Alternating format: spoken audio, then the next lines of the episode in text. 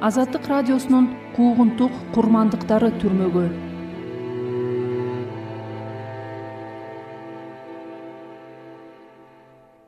Тарыхый эс тутум деген эмне элдин аң сезиминен өчпөй калган трагедиялар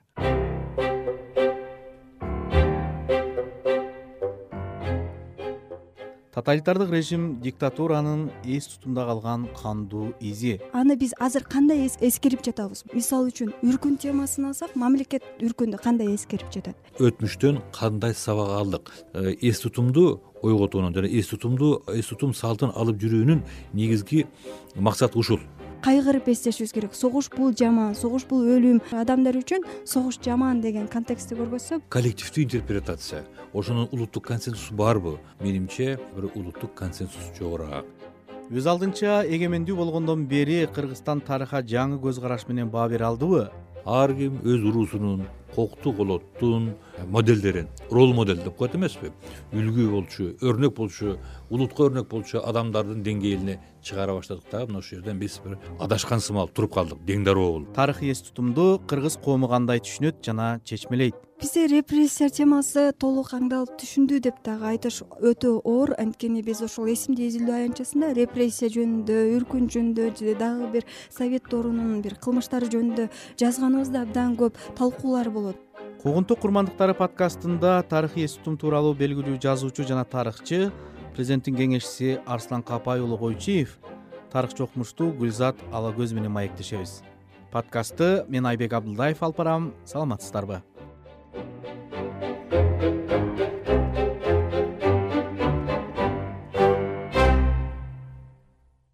Тарыхый эс тутум кыргызстанда кеңири изилденип талданган түшүнүк эмес эс тутум дегенде дароо эле чыңгыз айтматовдун кылым картар бир күн романындагы найман эне маңкурт окуясы эске келет. Айтматов кылым картар бир күн романында маңкурт окуясы аркылуу адамзаттын трагедиясын ушинтип берсе керек. Кара башыл адам эс тутумунан ажыраса энесине ок атат экен. Бүтүндөй улут эл тарыхый эс тутумун жоготсо кандай болот? Бул суроону белгилүү жазуучу жана тарыхчы президенттин кеңешчиси арслан капай уулу койчиевке жолдодум. Эс тутум албетте биздин өтмүш өткөндөгү басып өткөн жолубуз тууралуу коллективдүү маалыматтар. Э, коллективдүү э, память да? Мына ушуну биз э, эс тутум тарыхый эс тутум деп айтат эмеспизби бул жагынан алганда бул өтө ушул заманда ушул учурда бул өтө актуалдуу олуттуу тема. Себеби Э, биз могул эгемендүүлүккө умтулушубуздун өзү ошол э, тарыхый эс тутумга эс тутумду ойготуу э, жана маңкуртду айтып атпайсыңбы? Ал дагы кайсы бир деңгээлде ышкак болуп өзүбүздүн улуттук тамырды жана улуттук иденттүүлүктү издөөнүн бир элементи болгон. Бул бир анан эми биз азыркы шартта эс тутумду кандай колдонуп атабыз бул башка маселе. Себеби мен мынтип ойлоп калам да мына сексенинчи жылдардын башында э, токсонунчу жылдардын сексенинчи жылдары сексенинчи жылдардын ичинде токсонунчу жылдардын башында бизде кыргызстанда бир улуттук бир урухтун көтөрүлүшү э, улуттук уруктун бир ойгонушу аң сезимдин ойгонушу болду. Бул э, себеби ушул эс байланыштуу. Биз өзүбүздүн тарыхты өзүбүздүн өтмүштү өзүбүздүн реалдуулукту өзүбүздүн тургудан туруп интерпретациялоо керек экендигин түшүндүк. Жана э, ошого умтулдук кайсы бир деңгээлде дагы бир кайталап коеюн эйфорияны баштан өткөрдүк. Биз ойлогонбуз ошонун артынан улуттук кайра жаралуу келет экен. Улуттук аң сезимдин кайра жаралуусу келет экен деп ойлогонбуз. Бирок тилекке каршы биз э, кандай тажрыйбаны э, кандай тажрыйбаны баштан өткөрө алдык? Бул бул башка маселе. Менимче ушул улуттук эс тутуу маселеси улуттук идеологиянын да бир элементи улуттук идеологиянын бир максаты э, болуп калууга тийиш себеби айтып атпаймынбы. Улуттук эс тутум дегенде э, өткөндөгү э, биз кандай интерпретация беребиз? Коллективдүү интерпретация. Ошонун улуттук консенсусу барбы? Улуттук бир ынтымакка улуттук умтулууга алып келе алабы? Ошол биздин талкуу биздин интерпретация. Мына ушундай маселелер бар да. Мына ушул маселеде менимче бир улуттук консенсус жогорак. Жана мен көбүрөөк көп айтып калам э, тарыхчылар эле эмес жазуучулар да эмес ушу азыркы кыргыз коому бир чоң бир үлкөн философко муктаж болуп турабы деп ойлоп калам демек ошол жалпы улут сыймыктан ала тургандай тарых жазылбай атат да бүгүнкү күндө мындай тарыхчылар арасында деле мисалы бирөөсү бирөөнү жактап жатса аны кайсы бир чөлкөм кайра аны жээригендей көз караштар да.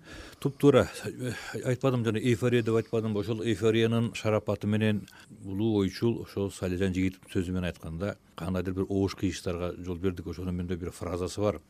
Жаназалуу ойлор даңазалуу тойлор деген себеби биз улуттук деңгээлге умтулуп жатып ушул эс тутумду кайра калыбына келтиребиз деп жатып улуттук критерий кайсы улуттук деңгээл кайсы деген маселеде улуттук бир консенсус боло алган жок. Ошол себептен ошондо айтыла баштады. Ар ким өз уруусунун кокту колоттун моделдерин рол модель деп коет эмеспи. Үлгү болчу өрнөк болчу улутка өрнөк болчу адамдардын деңгээлине чыгара баштадык дагы. Мына ушул жерден биз бир мындай адашкан сымал туруп калдык. Дең дароо болуп. Бул улуттук лидерби же кокту колоттун уруунун э, лидериби. Бул улутка идеал болчу адамбы же бир регионго гана идеал болчу э, идеал туткан адамбы деген маселе ошол жерде мисалы тарыхый эс тутумду э, иш жүзүнө ашырган институттар кайсылар болуш керек? Э, мисалы бул кайсыл бир формада кыргыздарда абдан көп сакталып келген экен да улуттук эс тутум дегенчи мындай тарыхый эс тутум деген. Менимче сиздин жанагы айта бар менин кебимди беделдеги каргыш деген романдарыңыздын өзөгү дагы ушул түшүнүккө эс тутумга байланса керек. Туура. Мунуга э, макулмуз ушул эс тутумга жанагы эле айта бар менин кебимди романымды алалы мисалы мен ошол жерде башка романдарымда дагы азыркы турмуш менен азыркы кыргыз реалдуулугу менен тарыхтагы болгон окуяларды параллель алып жүрүп алып жүрүп атам да. Эми кээ бирлер айтат бул тарыхый роман дейт жок таза тарыхый роман эмес э, адабиятта адабият жанрында historical fiction тарыхый фикшн деген э, термин бар. Ошол жанрга көбүрөөк жатат. Жана ошол жанагы параллелди алып жүргөндүн максаты биз э, өтмүштөн кандай сабак алдык? Себеби э, эс тутумду ойготуунун жана эс тутумду эс тутум салтын алып жүрүүнүн негизги максаты ушул андан сабак алуу. Жана айтып атпаймынбы интерпретация деп. Ар бир э, окуяны ушу согушу болобу жеңиши болобу кайгылуу бир барактары болобу салтанаттуу даңазалуу окуялары болобу. Мына ушул ошону интерпретация аркылуу биз кандай сабак алабыз? Мына ошол себептен жанагыл чыгармаларда биз кандай сабак алдык деген эле суроону койгум келет. Маселен айта бар менин кебимдиде миң тогуз жүз токсонунчу жылдардан кийинки кыргыз коому туш болгон жагдай жана он сегизинчи кылымдын этегиндеги кыргыздардын башынан өткөрүп аткан окуялары. Экөөнү тең ошол он сегизинчи кылымдын этегинде да биз кыргыздар ошондо бир этностук бир жаңы деңгээлге чыгуунун улут болуп болууга умтулуунун бир процессин баштан өткөргөн экенбиз. Ал жерде азыркы э, турмушка мүнөздүү могул жердешчилик трайбалисттик көрүнүштөр жат болгон ошондон өйдө туруп ошол көрүнүштөрдөн өйдө туруп ошол замандын кыргыздары умтулган экен. Жана ошол умтулуудан биз канчалык сабак алдык. Жыйырманчы кылымдын этегинде биз мурдагылардан сабак алып жаңы деңгээлге көтөрө алдыкпы салтты улай алдыкпы деген суроону койгум келген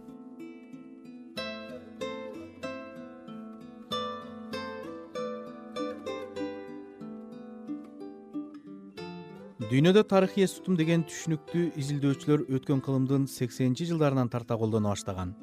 Жыйырманчы кылымда согуш геноцид адам укугунун өтө одоно бузулушу кордолушу сыяктуу адамзаттын эси көнүнөн чыкпаган далай окуялар өттү.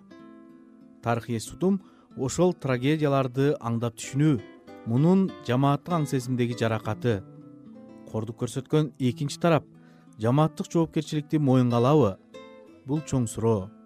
Изилдөөчү гүлзат ала көздүн айтымында тарыхый эс тутум түшүнүгү мына ушуга түздөн түз байланышкан деги эле бул терминди кыргызчага которгондо дагы тарыхый эс тутум деп айтабызбы же эс тутумду изилдөө деп айтабызбы бул э, биз үчүн жаңы багыт деп айтсак болот. Э, деги эле бул багыттын тарыхына кайрылсак бул миң тогуз жүз сексенинчи жылдары мемориалдык бум деп коебуз. Ушул холокост э, германияда болгон еврейлерге каршы геноцидти аңдап түшүнүүдөн башталат. Жааматтык эс тутум еврейлер бул жөнүндө жааматтык кандай жаракаттары бар анан ошол эле учурда экинчи жагын да караш керек. А жааматтык жоопкерчилик барбы?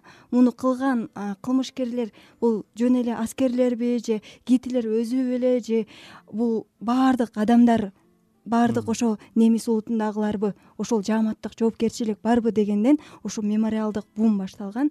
Деги эле ушул тарыхый эс тутум бул тарыхта болгон кайсы бир трагедиялуу окуяны кайрадан аңдап түшүнүү. Биз азыр кандай ага интерпретация берип атабыз ошол жөнүндө ойлонуу деп айтсак болот. Тактап айтканда тарыхый эс тутум бул тарыхтын альтернативдүү варианты. Эмнеге дегенде тарых илими бизге көп учурда чындыкты бере албайт. Анткени тарыхты бийлик жазат тарыхты мамлекет жазат.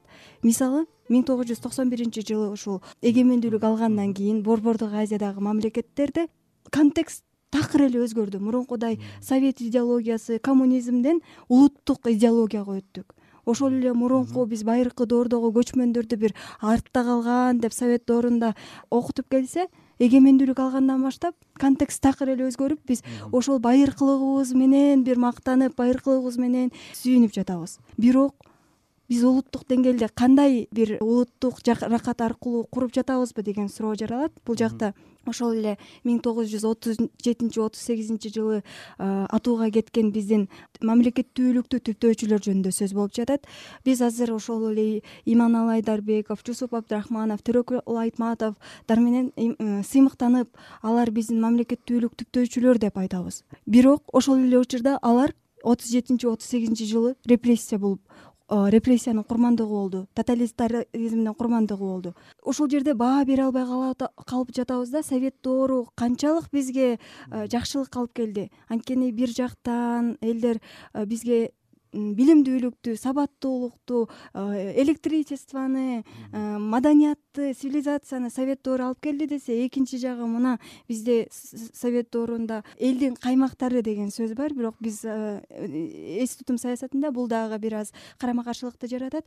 Биздин каймактарыбызды кырып салып азыр биз ушундай жаман жашап атабыз деген дагы интерпретация бар мындайча айтканда тарых менен караганда биз аларды герой бир кылып көрсөтүп атабыз. Биздин каймактар кырып салды деп. Бул тарых жагынан караганда. Ал эми эс тутум жагынан караганда бул биз аны трагедия катары карашыбыз керек. Анткени адам өмүрү адам укугу кыйылып жатат.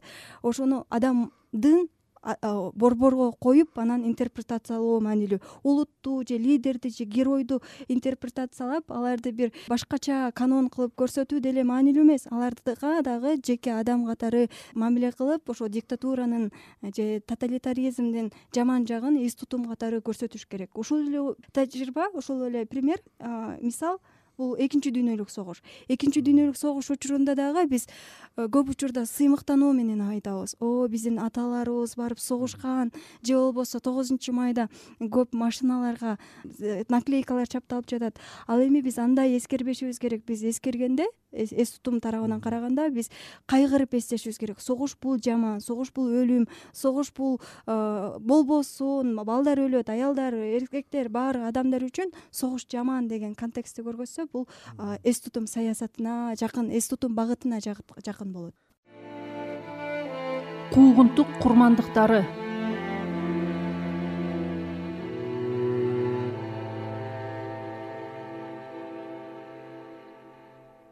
эки миң жыйырма экинчи жылы орусия украинага согуш ачкандан бери деколонизация тарыхый эс тутум борбор азия өлкөлөрү үчүн дагы актуалдуу темалардын бири болуп калды.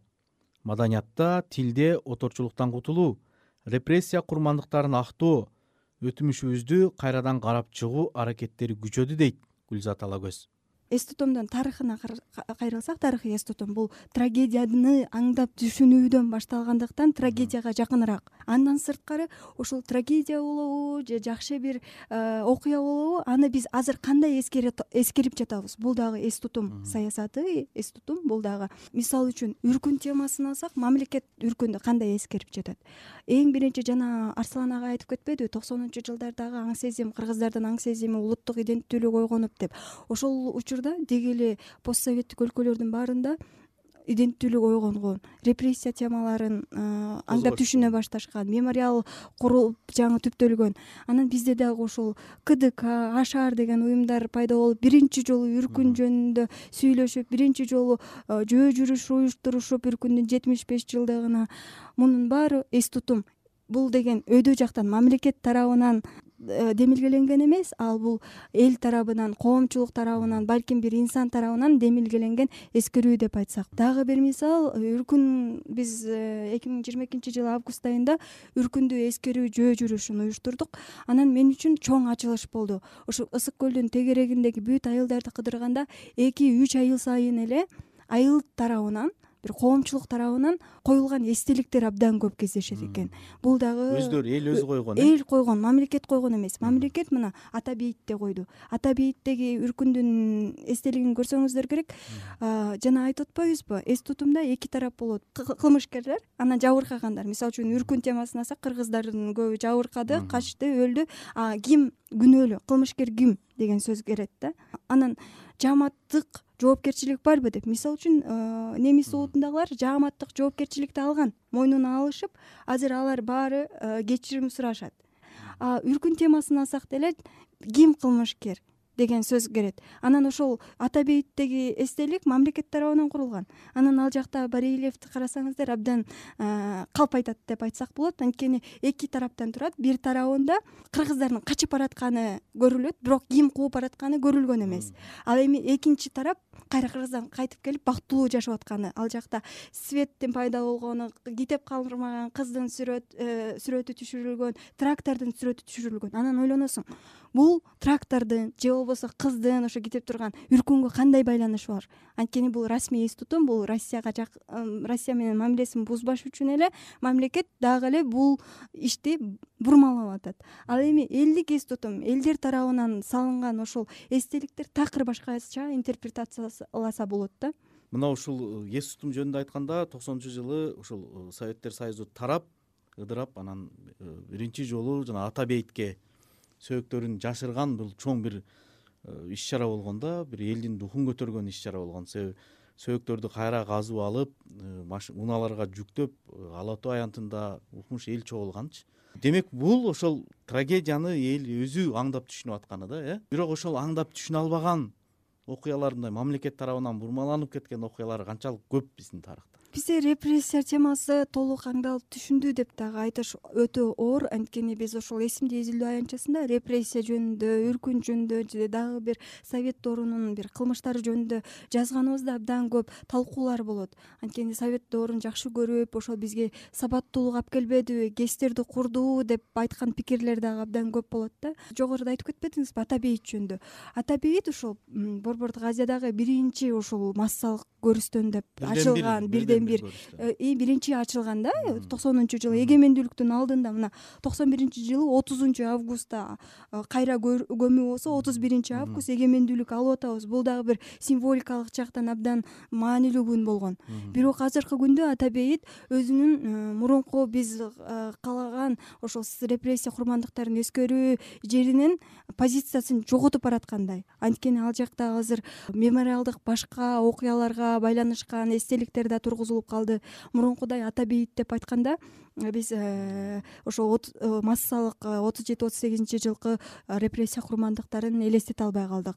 Андан сырткары ушул ата бейиттин жанында эле бир военный часть бар эмеспи. Ал жакта отуз жетинчи жылдары ошол ата бейитте жаткандарды лотосманов кол коюп следователь каза болгон да. Азыркыга чейин ошол жакта лотосмановдун дачасы сакталып турат анан ошол военный частька карайт да. Ал жактын подвалында эми азыркыга чейин ошол подвалында суракка алчу экен кээ бир адамдарды. Решеткалар дагы эле подвалында ошол тигинче сакталып туруптур. Анан өткөндө э, бизге ата бейиттин мурунку директору гүлнара эже жардам берди. Ошол жактын сүрөттөрүн алдык анан лотосмановдун жеке документтерин алдык да. Анткени жана айтып атпайбызбы эки тарап болот деп. Биз кылмыш биз жертва жөнүндө эле айта бергенибиз туура эмес кылмышкерлер жөнүндө да айтышыбыз керек. Анткени потенциалдуу кылмышкерлер үчүн бул дагы сабак болот да. Мен жөнүндө да кийин айтып калышы мүмкүн экен кылбаш керек экен деп. Анан ошол лотосмановдуку дагы эле турат. Эгер ошол жакты музей кылса же ата бейиттин музейине мындан да көбүрөөк жакшы мамиле кылынса жакшы болмок. Анткени биз сыймыктанып атпайбызбы бирден бир биринчи деп бирок ошол убакта бирден бир биринчи болчу. Азыр биз калып калдык да. Мисалы үчүн казакстандагы карлактын музейлери алжирдин музейи же ташкенттеги репрессия курмандыктарынын музейи абдан чоң. Аякта адам тагдырына биз айтып аткан ошол эле мамлекеттүүлүк түптөөчүлөр эмес баардык репрессия курмандыктарына арналган көп кылмышка тиешелүүлөрдүн дагы буюм сайымдары бар э? Ооба ошондой коюлса абдан таасирдүү болот бул эс тутумду жайылтууда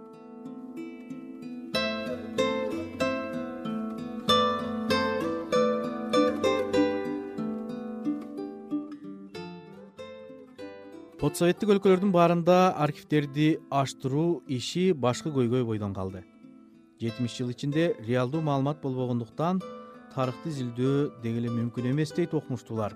Анан калса эл арасында миңдеген кишилер ата бабаларынын тагдырын билгиси келет. Бул албетте басмачылык кыймыл репрессия экинчи дүйнөлүк согуштагы туткундар боюнча. Ошондуктан тарыхый эс тутумду калыбына келтирүүнүн бир жолу бул жашыруун архивдерди ачуу бул архив жөнүндө материал. Бул дагы эсептеп көрүшүбүз э, керек го. Себеби албетте архив ачса жакшы э, жакшы болот эле э, бирок кандай критерий менен ошол прибалтика өлкөлөрүнө ылайыкташкан метод бизге ылайыктуу себеби илгери бир кыргыздын ошо кгбны башкарган бир генералы менен сүйлөшүп алган жайым бар. Ошол киши айтып калды ушул суроону бердим. Кгбнын архивин ачуу маселесине сиз кандай карайсыз? Десем айтат ачуу азыр эрте дейт. Ии десем азыр ушул архивдерди ачып жүрсөк э, бул көчөдөгүнү кой э, региондорду кой ошол эле абый менен көгүйдүн ичиндеги кыргыздар бири бири менен кармашып кетет. Себеби бирин бирин саткан бирин бирин аттырган бирин бирин э, сүргүнгө айдаткандардын аттары чыгып калат алардын урпактары азыр ушул жерде коюн колтук алышып жүрүшөт. Билгенден кийин булар кырылышып калышы мүмкүн. Болуп э, болуп кетиши мүмкүн деп эскертип калды. Биздин азыркы турушубузда ошондой ынтымакка келе алабы бири бирин ынтымакка чакырыша алабы. Ушул маселени дагы эске алышыбыз керек го деп ойлойм. Мыйзам долбоору өзгөртүү киргизүү боюнча мыйзам долбоору туруп калгандан кийин коомчулукта суроо көп болуп атат да. Айтып атпаймынбы муну дыкат изилдеп дароо эле мына сунуш түштү коомдо ушул маселе талкууланып атат мун үчүн эми бир э, коомчулуктун өкүлдөрү илимпоздор жазуучулар философтор архивисттер партиялар жарандык активисттер отуруп алып ошонун үстүндө иштеп э, талкууга коюшубуз керек го деп эсептейм. Анан талкуу аркылуу анан кийин гана мамлекет башчысы өз чечимин билдирет кандай ачылыш керек ушулар? Биз канткенде чынчыл мындай калыс баа бере алабыз. Эгерде жанагындай коом даяр эмес кыргыздар бири бири менен чабышып кетпесин десек бул окуя ачылбай келе берет да. Жок албетте буга тыюу жок. Э, бул теманын өзүн изилдөөгө тыюу жок. Адистердин элегинен өтүш керек го коомго бүлүк салбастан бул маселе архивди ачуу маселеси. Коомго бүлүк салбастан коомду тазаланууга коомду ойготууга биздин аң сезимди жаңы деңгээлге көтөрүүгө кызмат кылыш керек тарых өтмүштөгү окуя фактыларды жаттап эстеп жүрүү эмес келечек багытты аныктоо деп айтылат. Ал үчүн тарыхый эс тутумга деколонизацияга кайрылбай коюуга мүмкүн эмес. Кыргыз коомунда соңку учурларда гана бул темалар тууралуу учкай талкуулар жүрө баштады. Урматтуу угарман сиз азаттыктын куугунтук курмандыктары подкастын уктуңуз. Аны мен айбек абдылдаев алып бардым. Бүгүн биз тарыхтагы эс тутум түшүнүгү тууралуу сөз кылдык биздин подкасттарды сайтыбыздан ютубтагы баракчабыздан ошондой эле google apple подкаст платформаларынан уга аласыз.